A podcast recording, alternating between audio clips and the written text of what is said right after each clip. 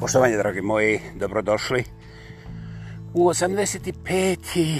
podcast treće sezone Slama sa vama. Čirilično govoreći, samoproglašeni lingvistički aktivista, monumentalno autentični, nikome riječi o tome. Ja pa ja, ko bi drugi, Vladim Nekrećen sa legendarnih i prelijepih stenovitih planina. I ovdje je kamen, kamenovit, čak i bez gena, ozbiljno, ne morate provjeravati ovih dana ima čak i nekih noći koje su postale malo duže, za neke kažu da su kratke jer čuda se dešavaju u tim noćima kad eto, ne pada snijeg, ali ja ne bih o tome jer ne sudjelujem, a Boga mi ne učestvujem također na isti način, za isti ovaj, mislim, začin, jeli?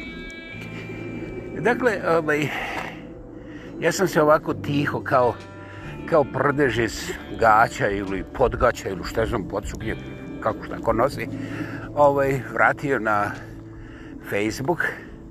Dakle, aktivan sam. I to nisam radio zato što su se ljudi okolo ubijali, sjeckali vene, pa onda molili me, preklinjali, šta je znam šta već nisu mogli raditi, mislim, iako sam ja bio ozbiljno zabrinut, mislim, evo, jedan tamo koji kaže da ja hoćem da me svi voledu, i da sve to mislim tako radim namjerno. A ovaj, on je siguran u to i ja sam ga pozvao da napiše, kaže, šta je onda pišem, to svako zna, to svako vidi.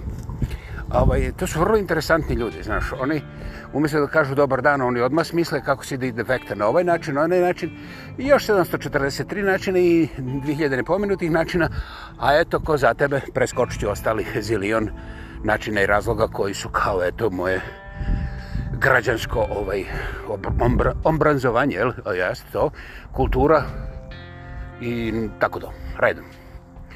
Mislim, e, naporan sam ja vama, jel? Pa, znate šta, skrenite sa ovoga podcasta, imate neke druge bez napora, koji su sasvim sigurno bez napora. Ima bez naporni, ja, ja znam to. Na kraju krajeva, meni kad nešto smeta, ovaj, ja se više ne želim na tamo nekom lijevom ili desnom, ovaj, jer sam naučio s vremenom to tako dođe da je najjeftinije kad ti nešto smeta, a ti lijepo pogledaš oko sebe i ono vidi vraga i imaju vrata, znaš. Priđeš onako tiše do vrata i, i odeš. vrata nisu zaključena. Još nisam naišao na zaključena vrata. Ovaj, i, I odeš i nikom ništa. Istina, ovdje sad imam imam jednu moju obavezu prema sebi da ne lažem, vrata nisu bila zaključena međutim čovjek a i njegova familija iza su se smrtno vrijedili što sam ja tako jednom odabrao da odem ovaj, bez ikakve najave tako s njima tu je to bilo kao nekakva fešta slavilo se nešto familijarno ja sam bio pozvan kao gost. I sad, ja ne znam kako u vašem selu, ali u mom selu ne postoje temeljna pravila kako gost treba da poštuje taj poziv. Međutim, svaka seljačina u ovom selu to zna i ovaj, ja nisam čuo da se to raspravlja. Jer ovaj, obično se ljudi obloču pa onda uh, ja to ne bih nazvao riječnikom ali ovaj nije ništa strašno ako se pomlate znaš ono jed, druga stvar je ako se umlate znaš i to se preživi to uzme malo duže vremena ali ako se znaš ovako malo operušaju kako se to kaže intelektualno i ekološki ispravno onda ovaj ok ljudi su imali izvjesno razmimo i liženje u mišljenju, shvatanju i razumijevanju a možda i u čistom planiranju situacije, ko zna, možda je neko bio razrok i to je moguće. Međutim, ta pitanje se ne raspravlja, uglavnom ako se oni, znaš, što se kaže opet ekološki ispravno, pokefaju pa poperušaju, šta je znam, lijevo desno, ako ne razbiju cijelu kuću i usput ne zakrče domaćicu, mislim da je ovaj, ozlijede, ne da je, mislim, šta bi moglo nešto drugo, da je pitao recimo za još supe. Ovaj, onda je to kao junačka fešta i o tome se priča, legende. Znaš, kako je, znaš, ovaj njega kao Bruce Lee, ovaj je njega kao Cassius Clay, znaš, vidite i sami da je riječ o emocijama i elegijama sa naglaskom na epski moment gudačkih instrumenta zvanih guda... Uh, gud, a, gusle, može, slažemo se. I ovaj, onda se to prepričava. Međutim, kad ti dođe cvećka kao ja, interesantno, ja ne znam, ja ovako odsvao, pa čak i ćelo, razumiješ, da budem cvećka, ajde, bože moj, zašto ne? Ljudi znaju, ove, zapromaju, pa šta, ove, između ušivima. I ovaj, ja dođem i naravno budem bez ikakve pripreme izložen tako nekim junacima iz nekih epskih sjećanja koji su uf, koji su učestvovali u nečemu što je po svim ne po definicijama, ne, ne. Ako si čak i pijan, imaš problema jer to je noćna mora od toga šta su ti ljudi ovaj podržavali, izmislili i sve skupo, znaš, kad su oni pomenuli nekoliko riječi, to je u meni jednostavno prekinulo sve ove kontakte sa, sa svačim. Ja sam ponosan na sebe danas što sam uspio nekako da niko ne primijeti izaći,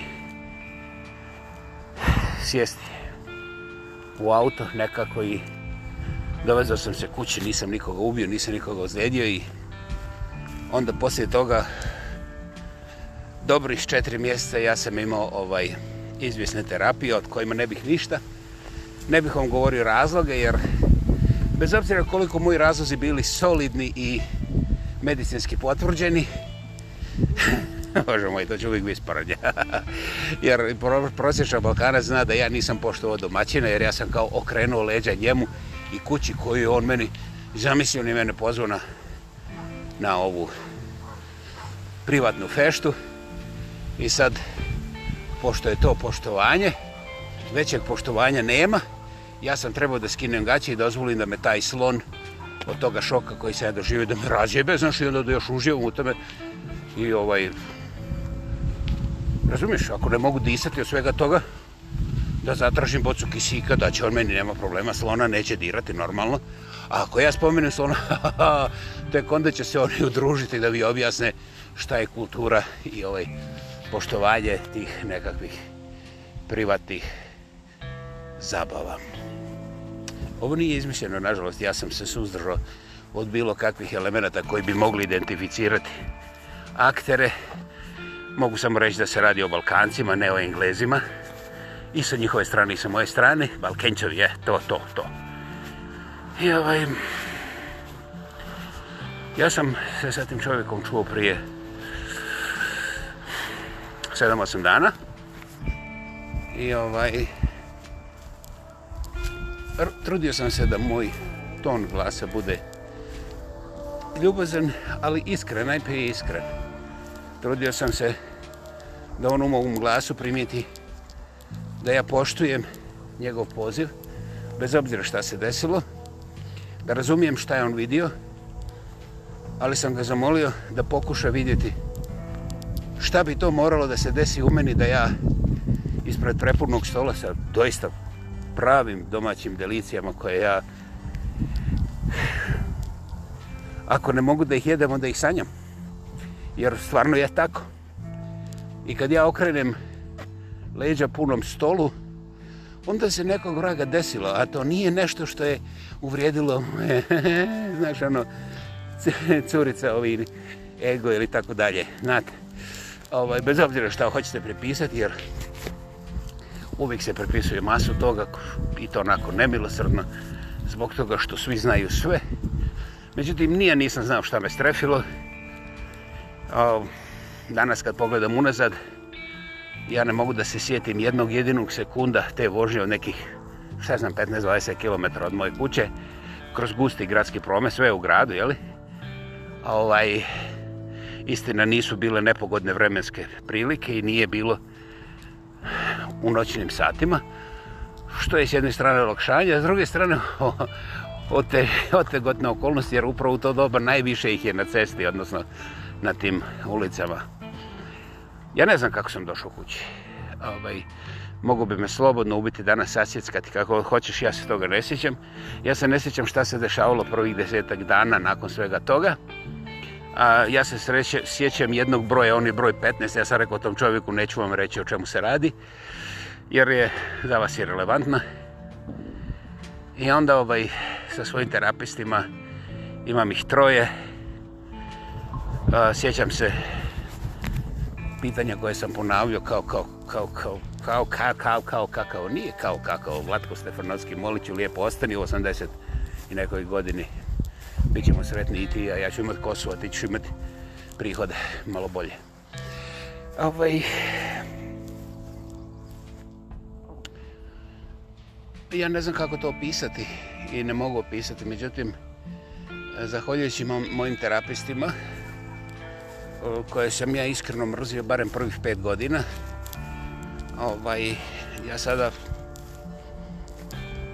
religijski disciplinirano idem i poštujem sve te dogovore i razgovore i o, nemam ništa protiv da se svi redom sprodaju, naravno moja najbliža familija, pa zašto ne ljudi moji, ljudi znaju sve, ovi su svi glupi, razumiješ i ružni, znam, znam, razumiješ da ti ista stvar. Putin se svaki dan raspada, svaki dan imaš revoluciju u Rusiji, ove sad će Ameri to da spase i onda će McDonald's se vratiti u Sibir razumiješ, da spasi taj napaćeni ruski narod koji nema pojma ni o čemu. Ovaj, jedino zajebava Evropu, znaš, i ovaj, tako dalje, tako da znaš, su oni nesposobni, nema problema. Ovaj, ja nisam Rus i ne navijam za Ruse. Ali to naravno ne znači ništa, jer čim kažem nešto ovako, onda oni kažu, ha, ha, ha, ha, ha mi znamo da si Ljudi, jesam, jesam Peder Rus i onda sam, a kaže ona gospođa iz Beča, ona iz Beča otkrila da sam četnik, Četnik za Zapadnu Kanadu. Pazite ovdje, ako nemate Četko kad dolazite u Zapadnu Kanadu, najebaćete jer ja sam glavni odgovorni, mislim, ja sam ovdje Čedo Čedemirović. Četkomir, dakle, pazite šta radite, upozorio sam vas. E sad, ako hoćete da gudalite da sam još, šta je znam, baba, žaba, ovaj, spuž, muž, kruž, Hej, Bože moj, šta mene briga gdje vi držite svoje smeće?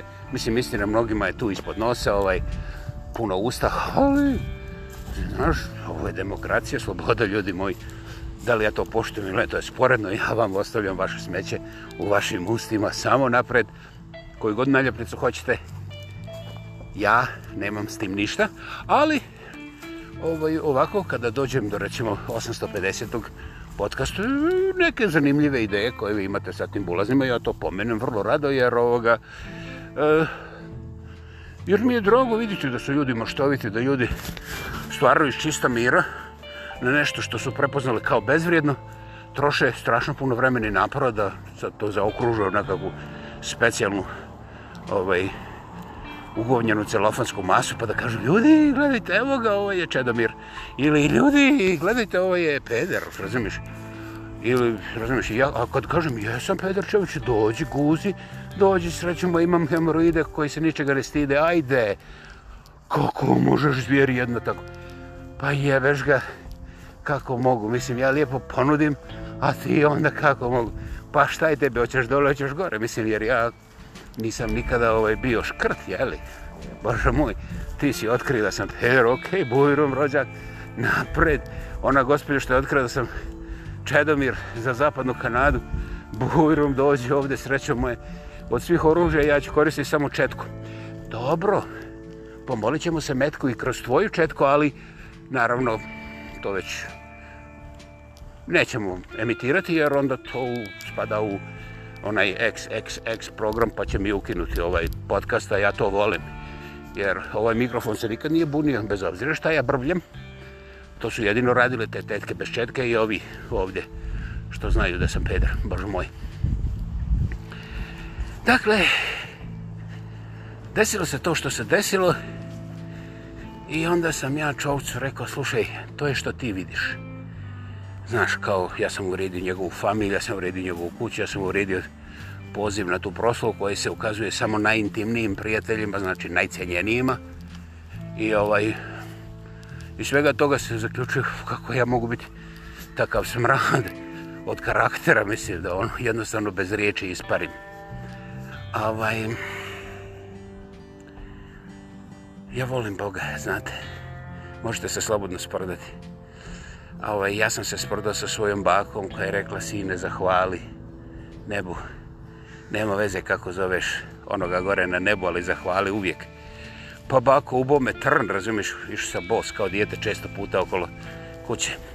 Kaže, i kad te uboli trn, pa bako, ti... kaže, dijete, zahvali se. Trebalo mi je 150 godina da naučim da to što je baka blagim glasom nikad nije prijetila. Nikada. I to mi je bilo čudno. Ja sam mislio da ona nema ovaj tu žicu životinsku, kočešku. Međutim, ona je imala to strpljenje koje je ugradila u svi svoji 12 djece. A evo i u meni, jer ona je otišla 78. godine, a glavna moralno, politička ili duhovna, snaga u mome životu je taj zrak zdravog razuma je moja baka. I zbog toga mene nije nimalo sramota da kažem da vjerujem u tu višu silu, jer ja nisam taj koji se opredjeljuje za naš ono ovu sortu Boga, onu sortu Boga, znaš, pa onda ovaj, ovaj kraj, onaj kraj i tako dalje.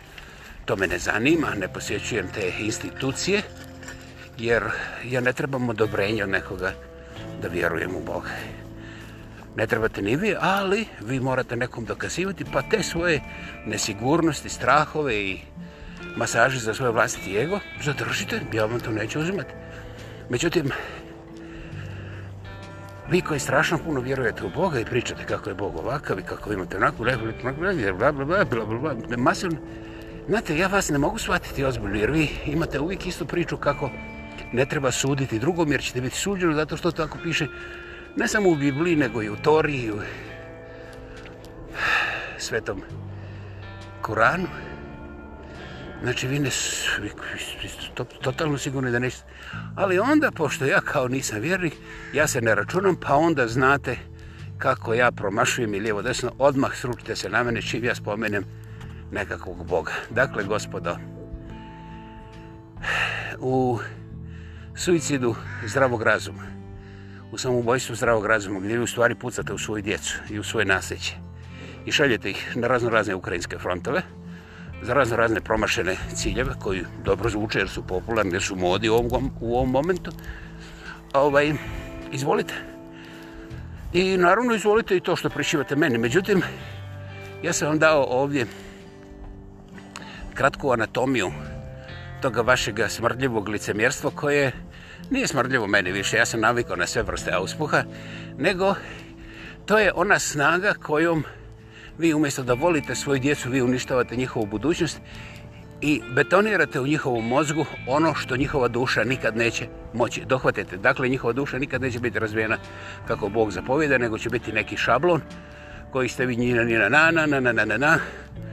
dva prsta, tri prsta i onda alatka čvrsta i to je to završeno.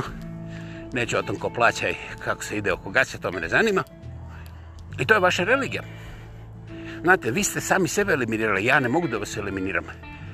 Jer ima vas puno više, ako ništa drugo.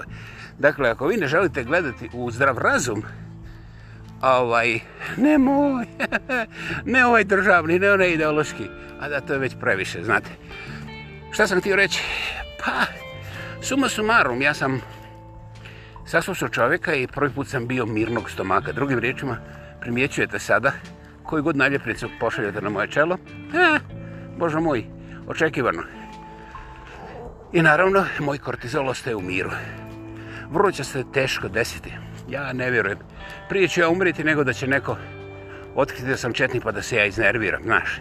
Jer ja se nisad nisam iznervirao što ona mene zove četnikom nego obrazovana gospođa na kraju radne karijere živi u Beču, a u jednom nesporazumu oko mišljenja, bilo kojih nije bitno, ona nema drugog argumenta nego da otkrije da sam ja četnik i da ja idem sa tim svojim četničkim psima naš gdje već. ona je mogla reći puno grublje riječi, ali da jedna gospođa, znači majka i baka, koja radi kao profesionalac sa ljudima u jednom beču, znači civiliziran kraj, ozbiljno, 100% učevniji od gornjeg vakufa, možda i donjeg, ali nisam provjerio. I ona nema nikakvog argumenta da mi kaže da to što sam ja napisao ili kako je bilo moje ponašanje, ovaj, da ona to jednostavno ne podnosi ili da je njoj primitivno ili da je neprihvatljivo. No, ona je gospođa, ona zna kako polegati na usta. Hm, bože moj, i druga stvar pismena, debelo pismena. Znači, ona nije slučajno iskakila to na papir šta je iskakila. I ja sam tu bio šokiran jer jednostavno u mojim očima ona nije bila takav crv, takav gmaz. Znaš, ono moralni, jebe me se za te nacionalno-religijsko-političke i ostale etiketa, znaš. Malo čas sam vam objasnio stvar oko pedera. Izvolite, razradite koliko hoćete, jer ne zbuđuju me te diskusije. Osim hemoroida, to je bolno, znate. Ako probate, vidit ćete. I smrdi. E, dakle, to je mene pogodilo. I ja se pogodilo u to doba, ali onda, razumiješ, disanjem i jednostavno s tim što nisam gecrkno, razumiješ, razgovarao sam sa ljudima i onda sam primijetio kako ljudi reagiraju. I nisam više bio šokiran kad razgovaram s čovjekom koji me zna 23 godine ovdje u, u Kanadi i kažem, eto, ta gospođa za koju on zna ko je, naziva me Četnikom, šta ti misliš, šta je to došlo? Čovjek mi gleda, znaš i, no, znaš, pa ovaj, ja ne mogu da, kao, da se zamjeram ni jednom ni drugom ja gledam, čovjek inače nije nepisan također i nema 13 godina, nego ima još 50 poviše tih 13, jeli? I ja mislim, pa nisam ja tražio od tebe da ti mene braniš. Niti sam ti tražio da mi objasniš šta je Četnik. Nego, pošto me znaš toliko godina, ti znaš da me niko nije nikada, nikada povezao s nikakvim Četnicima. Dakle, ovdje gdje nikoga ne boli briga, gdje smo i ti i ja nevidljivi jer spadamo u onu, znaš, ispod jednoprocentnu manjinu. Je, je, znam ja da je to tako. Dobro, ali šta misliš? Ili ima na meni nešto ovaj? Jer, šta je znam, možda imam više, više kose, pa šta sam čupao, šta je znam, razbarušen, kažem ti cijelo, pa dobro, to znam, ali otkud drugarice da smisli onda da sam četnik? Pa znaš, ja se ne mogu zamjerati nikome. znaš, i onda pitam još, dobro, neću spominjati, suprugu i tako dalje. Ovaj, I isto tako neće se zabirati. I ovaj, ja sam imao, dobro, kasnije je bilo još nekoliko, mislim, bilo još nekoliko takvi, jer sam bio onda potaknut da porazgovaram o tom fenomenu s nekoliko drugih ljudi, od kojih su svi, što se kaže kod nas u mome selu u svijetu, koji su ozbiljno obrazovani, znači ne zbog toga što ja tako vjerujem, nego Znaš, imaju i karijere, ne samo diplome. I neće ljudi da se petljaju. I meni nije jasno da sam ja pitao da oni osude nekoga ili da kažu ko je u pravu. Hmm. Znaš, onda takav način odgovora, oh, hajde de. Međutim, ja sam rekao, hej, s čime sam ja isprovocirao jedan takav ekstremni samo saseravajući ovaj diskvalifikantni bumerang ravno u prazno, u šuplje preko, preko, preko dva kontinenta. A, ne, nema nikog koja je spreman da odgovori, ali ja ovom prilikom mogu da se za, zahvalim ovaj šifriranom 57 Chicago a, pojedincu koji ima svoj kičmu koga ja znam huh, iz dana kad me nije zaborav tako kekao kao danas i koji je rekao, hej, znaš šta, nema šta raspravljati, ona imala loš dan, ti si se našao na meti i dobio si, možda si dobio puno manje nego drugi oko nje. Dakle, zaboravi, sve, zaboravi nju, zaboravi sve to. A ovaj, da li jesi ili ništa, to je tvoje privatno pitanje, drži ga za sebe. ovaj, ako jesi, ha, ah, šta ja znam, nije se zgodno hvaliti ovaj, mogli bi doći neki da ti objasne koliko to košta, ali ovaj, ako nisi, onda nema šta objasniti. Znači u oba slučaja trebaš držati svoju ovu poziciju kao i do sada i Bože moj, sa tom gospođom ne možeš ni u plus ni u minus, ona je prosto izbrisana sa tvoga horizonta za uvijek i to je to, završeno. Ne trebaš se... I ja mislim, taj čovjek je čovjek kome ja vjerujem, i čovjek koji razumije odnose, razumije šta sam ja pitao. I ovaj, hej, 57 Chicago, moj naklad do poda, care, ovaj, sljedeći put kad budem igrao i nogomet, neću te ponuditi pivom, jer ti nikad nisi to pio koliko se ja znam, ali Boga mi neću ti dati da prolaziš onako lako, nećeš ti više kao Messi, ja ću te zamijesti, nećeš ti povizijat kao što si prije. Dobro, nikom reći da sam se udebelio i dobio 50 godina više. To nećemo raspravljati. Eto, tako je to. U ovom životu s ove strane žice u 85. podcastu treće sezone Slama sa vama, samo proglašeni lingvistički aktivista, monumentalno autentični, ja pa ja kao bi drugi Vladimir Kreća sa predivnih i legendarnih sinovitih planina. Eh, sada gledam Derene kao u Stanley Parku u Vancouveru igraju kriket ovdje na Weasel Head Parku u Calgaryu. Strašno. Dobro, Kravograd, ok. Hvala na ispravci. Eto ga, tako se desilo i sve što se desilo. Međutim, ja vam nisam rekao kad sam se odlučio vratiti da se tu poredalo nekoliko izuzetno kvalitetnih karaktera. Neću se ilaziti u gaće, ne zanimam koliko muških, koliko ženskih.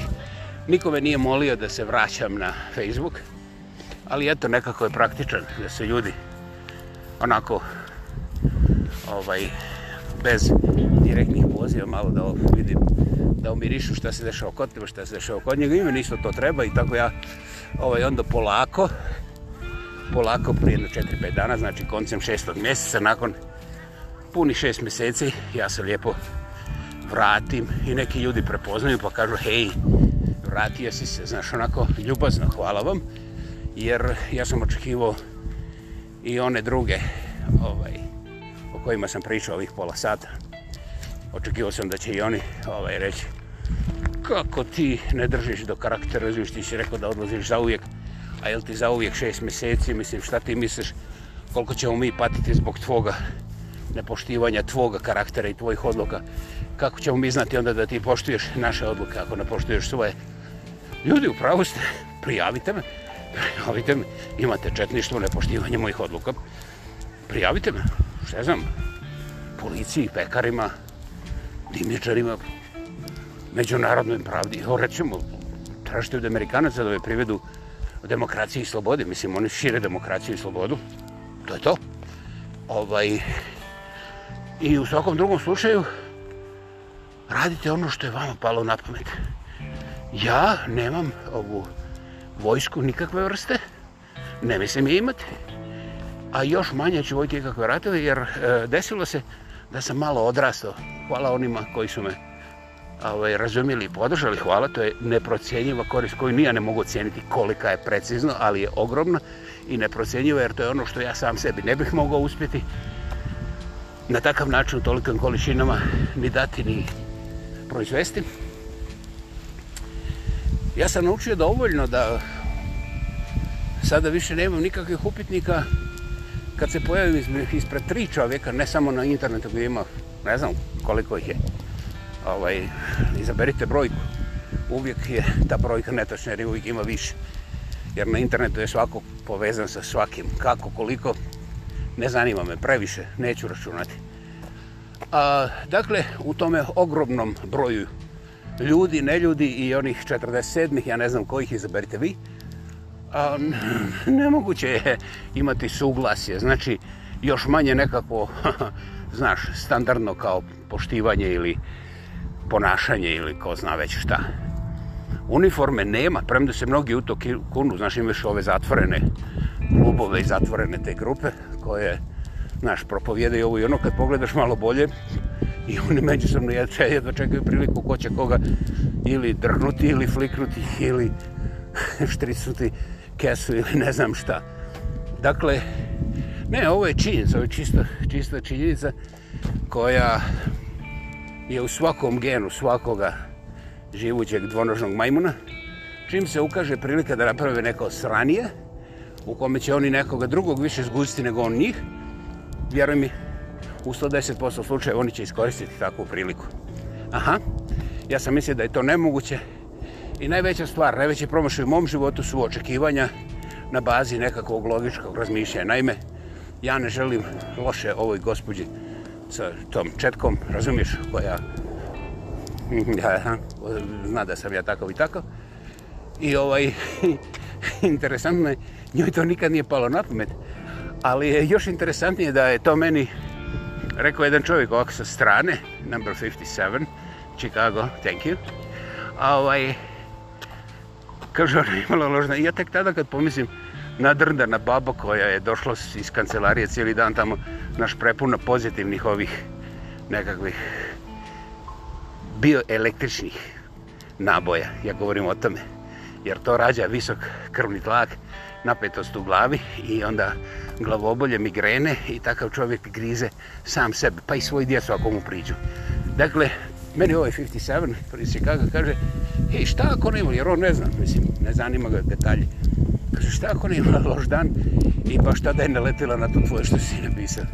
Mislim, znaš, nije on rekao to je neznanje, nevinosti, šta je znam. Ne kaže, osoba je jednostavno bila nadrndana, ti si bio dovoljno daleko da ne možeš da vratiš nikakav pljucelj i dobio si, brate, kompletno zagovnjavanje onako ravno u facu. I šta sad hoćeš, mislim, idi dalje, jer niti će ona to ponavljati, niti ćeš ti od toga patiti. Koliko si grvario? Nula. Odlično. Divota, dogovoreno. Eto, tako se to desilo. I ovaj, u tome smislu, ja sam naučio da, hej, ako ja udahnem, pogledam sa strane, umjesto da budem šokiran, iznerviran ili šta je zna već šta se može odabrati, ja mogu ovaj, da odem da piškim, onda mogu otići popiti kavu, pa onda mogu ponovo da piškim i onda lijepo pogledam sportske i odem na spavanje. Sutra dan ujutru, novi dan, nema nikakvih tih negativnosti sam primijetio da je to također zdravo. Ne samo zdravo za psihologiju i psihijatriju, nego je zdravo za sve, ali i za svakoga. Jer ako ne razlačiš tu diskusiju, onda si pametni. Kao što vidite, ja sam tu diskusiju ipak razvezao. Zašto? Zato što nisam uspio još uvijek da objasnim ovima mojima ovdje iz kravograđanima da su oni strašno ponosni jer oni ignoriraju masu stvari i kao vjeruju svojim medijima za koje znaju da su laž, ali oni neće da vode nikakve kritične diskusije jer ako šute onda kada ovi pobjede onda će oni dobiti tu povišicu, znaš onda će to njihove te shares koje su uložili ovo milionama porasti, onda će oni imati dovoljno para da idu i da budu čekovi u Meksiku, na Filipinima, pa čak i na Havajima. Niko od njih ne primjećuje da su ta vremena prošla a ovaj i da je danas stvar jednostavno postaje vrlo, vrlo rigidno monopolska. Ja neću spominjati ko su vlasnici naših života. To je jedna... Čak nije ni prič, nije ni vijest za oni koji znaju, znaju koji ne znaju, ne trebaju da znaju. Međutim, ono što ja vidim ovdje kod ovih, jer sada više ja nemam problema sa razumijevanjem kulture, jezika i ponašanja, oni jednostavno od svoje djece prave gluperde koji su dresirani neuporedivo rigidnije i uže nego što sam ja bio dresiran 74. u vojnoj školi u nekadašnjoj Jugoslaviji. Dobro ste čuli, neću obrazlagati, ne zanima me istovremeno. Niko se ne osuđuje ništa da kaže kontra doslovce moralog javnog, političkog ali i financijskog terora ovih LGBT, koji ako te pogledaju, a ti se ne nasmiješ, odmah imaš masu objašnjavanja da radiš i to nikome nije ovaj upitno. Zašto? Jedino sam čuo jednu gospođu da kaže evo ovi na biciklu potpuno goli jer to je Pride Month, ovaj, ovaj mjesec sedmi. Ne samo u Sijetlu, nego i, evo, i ovde u Kalgariju. Potpuno goli, kažu, ja bi bio uhopšen tamo ima djece, ali to, to se ne računa. Mislim, na ulicama ima djece, ali, jer oni ne mogu da zatvore cijeli grad dok ovi mlataraju sa svojim guzama i ovi, šta je znam šta je od tih fitilja. I normalno, sada je pitanje časti, da ne budeš Putin, jer Putin kažnjava te ljude, nego mi smo slobodni demokrate i oni mogu dobro, nisu nas jebendisali, mislim, kad su prolazili Matej sa tim svojim kitama, pita mi ne znam šta tim dok su prajdirir, prajdirali, a prajdiraju svaki dan u manjim grupama okolo.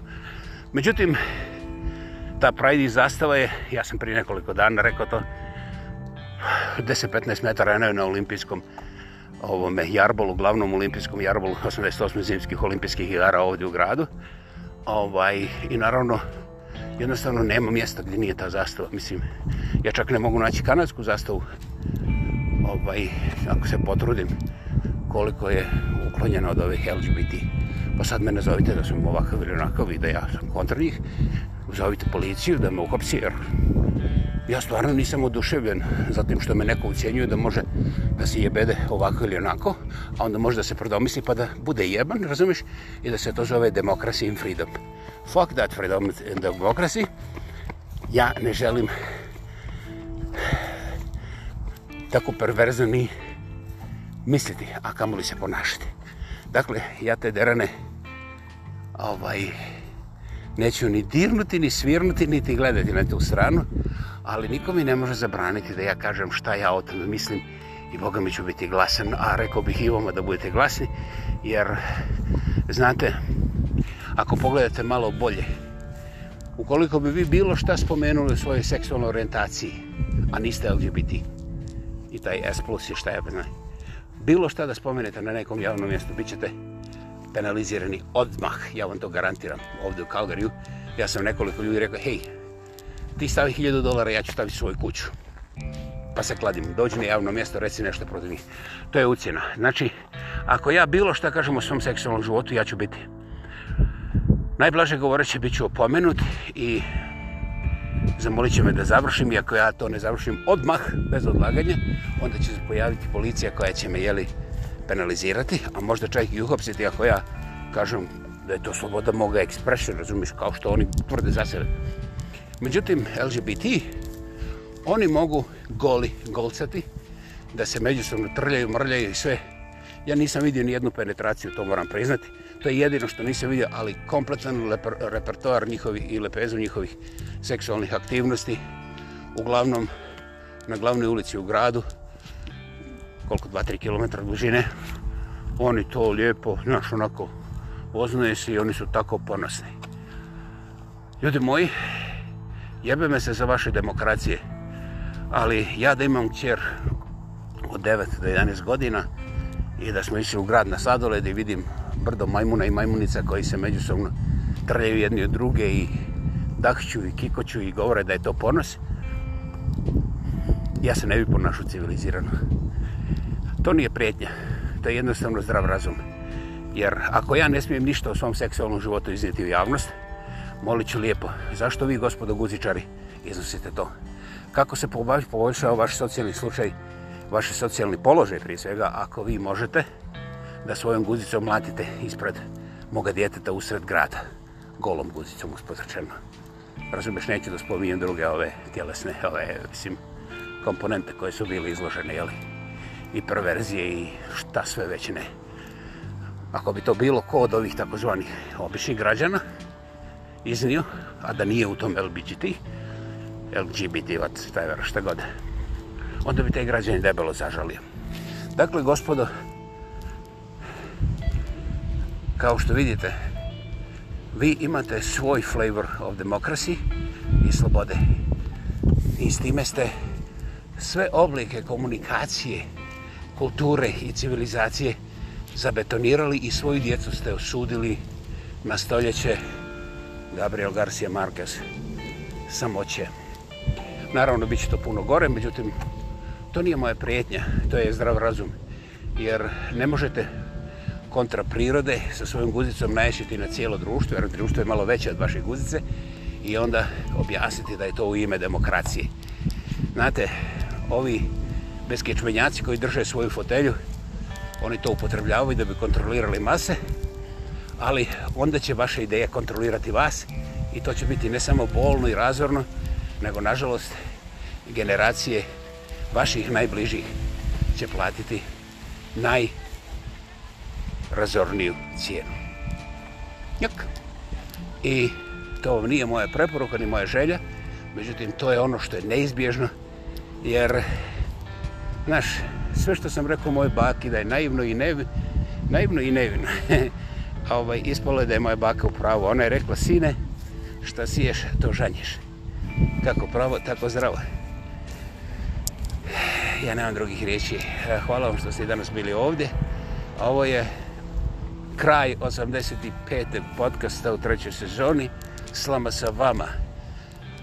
Sa vama je cijelo ovo vrijeme bio ja, samoproglašeni lingvistički aktivist, monumentalno autentični, ja pa ja, ko bi drugi, Vladimir Kreća sa legendarnih i prelipih stenovitih planina.